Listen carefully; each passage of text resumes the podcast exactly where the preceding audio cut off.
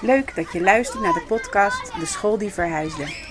Ik ben Gianne Medendorp en in deze podcast neem ik je graag mee in het avontuur van een basisschool in Amsterdam Noord die verhuist. In elke aflevering heb ik een gesprek van 10 minuten met iemand die betrokken is bij dit avontuur. Van de directeur tot de bouwvakker, tot de buren, de leerling en ook ambtenaar nummer 87 komt voorbij. Veel luisterplezier.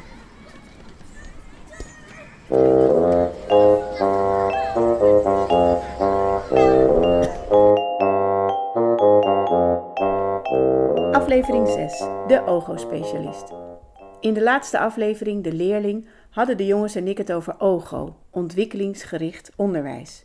Oei, dacht ik, dat vraagt wat meer uitleg. Daarom spreek ik vandaag met Inge Haarsma, OGO-specialist. Inge ondersteunt ons als school om ons steeds meer te bewegen naar ontwikkelingsgericht onderwijs. Ze is een nuchtere, vrolijke Noord-Hollandse die OGO ademt. Ik ga haar natuurlijk vragen hoe ontwikkelingsgericht onderwijs eruit ziet en wat er zo goed aan is. En ook hoe ze de samenwerking met ons op de klimop ervaart.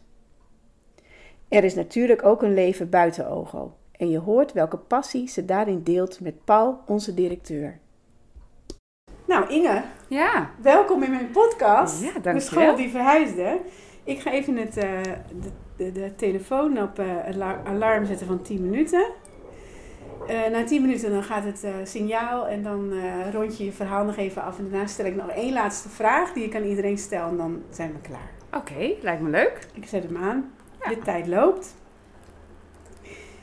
Um, we komen net uit een bespreking met ja. de directeur over OGO en onze school en ontwikkelingen. En nou, jij ademt zo ongeveer OGO, vind ik.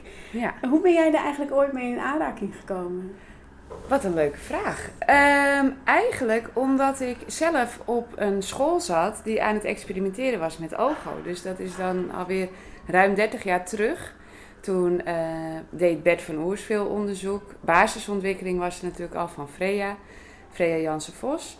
En uh, Bea Pompert deed stukken onderzoek. En dat deden ze allemaal bij ons op school. Oh, een klein uh, schooltje in Den Helder. Uh, de dokter Jack P. Thijssen school. Kijk. In de visbuurt. Echt een volkswijk. ehm, maar wel heel mooi. En daar werd in een onderbouw dus geëxperimenteerd met van ja, hoe doe je dat nu precies? We waren overigens niet de enige school. Maar dat was eigenlijk mijn eerste aanraking met het concept. Dus vanaf groep 1 tot en met 4 ben ik zelf al ondergedompeld. Oh, wat cool. Ja, ja. En dat is later voortgezet, want volgens mij heb je er geen afscheid meer van genomen. Of, of ben ik iets nee. te... Nee, ik heb er nooit meer afscheid van genomen. Ik ben wel met een gigantische omweg het onderwijs ingekomen. Oké. Uh, maar ik kom uit een echte onderwijzersfamilie. Uh, waar het uh, van generatie op generatie wordt doorgegeven. waarbij mijn tante en mijn moeder beide ook ja, nascholen zijn geweest binnen het ontwikkelingsgericht onderwijs. Jeetje. Dus in die zin heb je een punt. Het wordt ongeveer geademd, maar het wordt ook volgeleefd. Ja. Dus uh, ja. Maar waar ik dan wel nieuwsgierig naar ben, want je zegt, ik, van de groep 1 tot en met 4 ben ik als leerling ondergedompeld in Ja. het oogonderwijs. Daarna ging je naar groep 5. Ja, Kan je, eh, heb je dat verschil ervaren toen? ja als kind? enorm. Ja, Kan je daar iets over zeggen? enorm. Nou, ik ehm, heb in groep 1, 2 heb ik niet heel veel herinneringen Nee. meer aan. Een Nee. beetje. Maar met name in groep 3, 4, toen zat ik bij juf Febe. Febe van Zanten heet ze. Een hele lieve vrouw. En ik heb ook nog steeds een foto van ons samen eh, in mijn werkkamer hangen. Want Oh. ik dacht vroeger altijd van eh, als ik later groot ben en ik word juf. Ik wilde in eerste instantie geen juf worden. Maar dan echt zo'n juf. Dus toen Oh. ik helemaal op de pabo zat, heb ik dat erbij eh, gepakt. En heb ik op mijn werkkamer eh, opgehangen. Omdat ik dan dacht van ja, dat is een juf die het verschil heeft gemaakt. Maar dat was dus ook de juf die heel erg actief meedeed aan die ontwikkelingen en aan dat vernieuwen van dat onderwijs. Dus bij haar heb ik er enorm van genoten dat ik mocht spelen. Ja. Ik leerde lezen en schrijven echt in die rijke context van die echte wereld aan de hand van thema's. En ehm, ja, dat waren gewoon twee fantastische jaren. Ik kan niks anders zeggen. En eh, toen ging ik naar vijf. Toen kreeg ik overigens ook hele lieve juffen. Daar was niets mis mee. Nee. Maar dat onderwijs paste mij echt minder. Want daar was ik geloof ik niet zo heel goed in op die manier. En, en kan je iets over, is, is het dan meer dat je per vak de dingen doet, zeg maar? Ja. Is, dat, is dat hetgene wat... Ja, ik ging eigenlijk dus van zo'n hele rijke context, van die echte wereld de school in, die spelverhalen, ehm, ging ik gewoon naar, ehm, ja, ik zou bijna zeggen, regulier methode onderwijs. Dus we hadden een, een boek voor begrijpend lezen, één voor studerend lezen, één voor spelling. Handschriftontwikkeling was toen echt knijterbelangrijk. Dus daar was heel veel aandacht voor. Wereldoriëntatie. Ehm, bij ons was het nog niet eens dat stuk geïntegreerd. Ik had ook echt nog aardrijkskunde en geschiedenis. En nou ja, de hele stapel. Dus toen moest ik in dat regime. Oh, ja. En dat voelde echt als een regime. Als Dat voelde als hoor. een regime. Ja. Ja. Hey, nou stappen we al een beetje over in wat is dan OGO. Maar eh, als ik aan jou de vraag stel, stel dat je een OGO-klas of een OGO-school binnenloopt. En je vergelijkt het in je hoofd met een, met een gewone, reguliere school. Eh, wat, wat zien we dan? Wat is er dan zo anders? Ehm, ik denk, waar ik, laat ik zeggen waar ik als eerste op let. Ja, Dat, is, voor mij is altijd alles bepalend, doet de leerkracht mee of niet. Oké. In OGO-scholen zie je gewoon een leerkracht die meedoet in die echte activiteiten met die kinderen. Die met kleinere groepjes werkt. Dus niet met zo'n hele grote groep. Gebeurt natuurlijk ook af en toe. Soms moet je toch iets klassikaal gaan doen. Maar doorgaans zie je gewoon een actieve leerkracht. ehm, die in die activiteit echte verbinding maakt met kinderen. En, en wat voor activiteiten zie je dan? Wat, wat zie je kinderen en zo'n leerkracht dan doen? Ehm, ja, dat, dat, dat kan lezen zijn. Dat kan eh, hè, dus het lezen van een tekst zijn. Dat kan het schrijven van een tekst zijn. Maar misschien doen ze wel een experiment Mhm. eh, met elkaar of een stukje onderzoek. Mhm. Ehm, dus de activiteit aan zich zijn denk ik ook wel herkenbaar op andere soorten scholen. Maar ik vind dat typische is, dat, is die interactie van die leerkracht met die leerlingen. Waarbij die leerkracht gewoon aan, vooral aan het observeren en aan het kijken is van wat zijn nu precies die uitingen van die kinderen. Ja. Waar ga ik op aansluiten? En waar valt er nog iets toe te voegen? hè? Je wil die zone van naaste ontwikkeling creëren. En ja, dat is een, een, een, die, die rolt zo uit je mond, die term. En ik weet wat jij bedoelt, want we zitten allebei in het onderwijs. Maar wat bedoel jij met zone van naaste ontwikkeling? Ehm, ik zou het zo omschrijven dat als kind heb je, hè, als je iets alleen doet, dan acteer je. Dus dan ben je bezig op eh, je actuele eh, niveau. Dat Ja. is wat je gewoon alleen kan. Ja, Ehm, en in het verlengde daarvan kun je iets met een beetje hulp van een meerwetende partner. En in die zin is de leerkracht dus de meerwetende partner. Mhm. En juist, dus daarom is die interactie zo belangrijk. Juist Mhm. daar in dat stukje vind je dus die zone van naaste ontwikkeling. Dat is dat wat je kunt op geleende kracht. ja. En uiteindelijk op eigen kracht. En Uit- dan weer, ja. volg, en dan weer het volgende stapje op geleende kracht. Ja, En zo ontwikkelt een kind zich ja. op allerlei vlakken. Ja. Hey, en, en misschien eh, voor de mensen die luisteren, eh, kan je een, ehm, Nee, laat ik het anders zeggen. OGO, ontwikkelingsgericht onderwijs, daarin werk je thematisch. Dus in je klas is een bepaald thema aan de orde. En zoveel mogelijk van je onderwijsactiviteiten, die zijn gelinkt aan het thema. Daarmee bouw je het thema echt op met die kinderen. Eh, kan jij gewoon, eh, nou ja, eh, ik maakt me niet uit uit welke klas, maar een, een concreet thema noemen en een activiteit die daarbij hoort, die dan ja, eh, speciaal OGO is of juist heel kenmerkend voor OGO is? Ja. ja, misschien is het wel leuk om eh, te refereren aan een praktijk die ik zelf gedaan heb als leerkracht. Ja, want je bent ook nog OGO-leerkracht geweest. Zeker weten, Ja. ja. Ehm, en dat was een thema in groep 5 Mhm. en dat heette de Sabbar. We gingen een Sabbar runnen. En eh, ik werkte toen op een school op Eiburg, eh, in Amsterdam ook. Mhm. En eh, op een gegeven moment werd, werden sapbarren heel hip. Ja, Overal in Amsterdam kwamen sapbarren en iedereen moest aan de gezonde sappen. Dus dat gingen wij ook doen. We gingen die onderneming ook echt starten.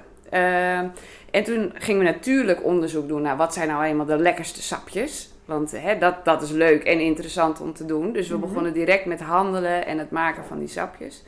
Ehm, vervolgens wilden we natuurlijk ook weten waar dan die vruchten vandaan kwamen. Of bepaalde groentes. En of waarom die dan zo gezond voor je waren. En hun werking. Dus dan waren we heel erg bronnenonderzoek aan het doen. Eh, maar tegelijkertijd, hè, we starten een onderneming. Daar horen klanten bij. Dus wij moesten echt wel gaan weten van wie zijn onze klanten nou eigenlijk. Hè? Dus we gingen onze doelgroep bepalen. Eh, maar wat willen onze klanten nou eigenlijk precies? Eh, en, en, en ja, als in dat willen, waar liggen hun voorkeuren qua smaak? Of moet juist iets super gezond zijn? Of, eh, dus nou ja, toen gingen we marktonderzoek doen. Dus dat is natuurlijk een, een, een stukje experimenteel, of eh, sorry, praktijkgericht onderzoek eigenlijk. ja. Waarbij we vanuit dat praktijkgerichte onderzoek eh, natuurlijk alles in beeld gingen brengen. Hè? Dus dan merk je al van dat, dat rekenen, wiskunde een plek krijgt, kennis van de wereld. Ehm, en vanuit daar zijn we natuurlijk de perfecte sappen voor onze klanten gaan ontwikkelen. Dus experimenteel onderzoek. En ik denk dat dat ook, hè, als je, je vroeg net van wat is ook dus dat Mhm. typisch in dat OGO, zie je dat kinderen onderzoek doen. Ja. En waarbij we proberen in ieder geval afwisselend met deze drie typen onderzoek aan de slag te zijn. Dus bronnen, experimenteel en praktijkgericht onderzoek. En uiteindelijk hebben, hadden jullie ook een sapbar. Uiteindelijk hadden we een sapbar en die ging open en die gingen we draaien en we deden inkopen en we gingen verkopen en op een gegeven moment gingen we ook winst maken. Ja. Ja, dan moet je natuurlijk bepalen waar ga je heen met de winst. Dus dat, eerst moest iedereen ijs natuurlijk, een soft ijsje, hè? Dat, dat, was, dat was het ding. Heel gezond. Precies. En een lekkere thee gehangen. Maar Ja. uiteindelijk hebben we eh, ja, ons geld geschonken aan het goede doel. Nou, Ja, Maar en dan, eh, wat ik dan van jou leer, want eh, Inge is onze OGO-begeleider op school, is dat in dat hele thema van die sapbar zitten allerlei inhouden. Ja. Hè, in het onderwijs werken we aan kerndoelen, die, die, die, die gaan we halen. Dat, hè, dat is helemaal landelijk al vastgesteld. Dus daarin ja, hebben een soort van kader. En in dat thema kijk je dan welke, eh, welke doelen raak ik aan, en welke doelen kan ik bereiken. En dat is dan. Oh, even op stop zetten. Jeetje, gaat zo snel de tijd? dit gaat heel snel. Oké, nee, we gaan hem echt annuleren, want anders gaat hij weer opnieuw lopen. Wij kunnen nog wel een heel uur hierover praten, lieve luisteraars. Maar en wat ik dus wilde zeggen, in een thema van OGO probeer je dus heel veel verschillende inhouden te verwerken. Ja, zeker. En dan hebben we het nog helemaal niet over gehad eh, hoe kinderen dan laten zien wat ze hebben gehaald en, enzovoort. Nou, wie weet komt nog wel een podcast. Een deel maar ik, 2. ik heb nog wel, ik heb nog een, echt een hele andere vraag. Eh, die gaat meer over onze eigen school. Eh, want wij gaan natuurlijk verhuizen. Eh, jullie begeleid, jij begeleidt veel meer scholen die OGO worden of OGO zijn en dat nog willen verbeteren. Ehm, maar onze school gaat ook nog eens verhuizen. Is dat voor jou een bijzonder proces? Eh, heb je dit veel vaker aan het, aan het handje of helemaal niet? Nou, het is wel tamelijk bijzonder dat in dit ontwikkelproces inhoudelijk gezien er ook nog een verhuizing plaats moet vinden. Ja. Ehm, maar we zijn wel ook bekend natuurlijk met scholen die opnieuw gaan starten. Hè. Er worden veel woonwijken gebouwd. Ja. Dus er worden ook weer veel nieuwe scholen gestart en die willen starten met een eh, hè, frisse wind in Ja. de rug. ja. Maar jullie zijn wel een uitzonderlijke situatie te noemen. Ja, Ja. ja. wel een hele leuke. Kijk, wat is er zo leuk? Ehm, nou, ik vind het heel mooi om te zien hoe gedreven het team eigenlijk is. Dat ze, hè, ze gaan aan, ze willen ervoor gaan. Iedereen zet zijn schouders eronder. En ik denk dat dat heel kenmerkend is voor eh, de Klim op of straks Blijhaven. Ja. Ehm, dat dat team, die wil gewoon gaan voor een goede school. En als eerste een goede, goede school voor de kinderen. Waar iedereen welkom is. Ja. het is gewoon een fijne plek. Ja, goed zo. Ja. Hey, en ik heb nog één, eh, nee, nog twee vragen. Ehm, jij hebt iets eh, gemeen met Paul, onze directeur. Jullie houden allebei van wielrennen. Ja. Eh, ik wil je eigenlijk uitdagen om volgend jaar een keer op jouw eh, wielrenfiets naar onze nieuwe Blijhaven te komen. Hoeveel kilometer is dat ongeveer? Ehm, ik denk de kilometer of 65. Kijk, nou dat moet lukken als je er een beetje voor traint. Ja, want wij hebben eigenlijk het plan om ook een fietsenwerkplaats op school te gaan Oh, maken. En hoe zou ja. je het nou vinden om, om zeg maar jouw mooie wielrenfiets door de kinderen van onze school te laten checken? Oh, dat zou ik geweldig vinden. Dat ga ik doen. Ja, goed. Ja, we moeten wel een goed moment kiezen. Ik ben een tamelijk een mooi weerfietser ook. dus we moeten dit gaan plannen. Eh, maar ik kom met mijn fiets. Oh, Zeker leuk. weten. Hartstikke leuk. Nou, dan ben je alvast welkom. En een, een allerlaatste vraag, en die vraag stel ik aan alle mensen die in mijn podcast eh, te gast zijn. En dat is, wat, wat is jouw wens voor onze nieuwe school? Voor Blijhaven. Ik hoop vooral dat jullie het open en welkome komen, komen, komen, Komen. ja. komen. Ja. karakter houden die jullie hier nu ook hebben. Dat er Mm. gewoon een plek is voor ieder kind. Want Ja. dat is wel gewoon waar onderwijs voor mij om draait. Ik bedoel, we kunnen hele inhoudelijke eh, gesprekken voeren over onderwijs. Maar het gaat erom natuurlijk dat die kinderen gezien worden. Ja. En ehm, dat er oog en aandacht voor ze is. Ja. Nou, dat hoop ik ook echt. Ja, Daar gaan wij altijd, eh, altijd wel heel erg voor op Ja. deze school. Het staat echt voor op. ja, Inge, het was echt super kort. echt. Ja, Veel te heel kort. kort. Maar dat is niet erg. Ik wil je bedanken voor het meedoen. Yes. Ja, en wie weet eh, hebben we later nog een reden om je nog een keertje te vragen. Wie weet. Ja. En tot ziens op de fiets op Blijhaven. Ja, inderdaad. Ik ga mijn best doen.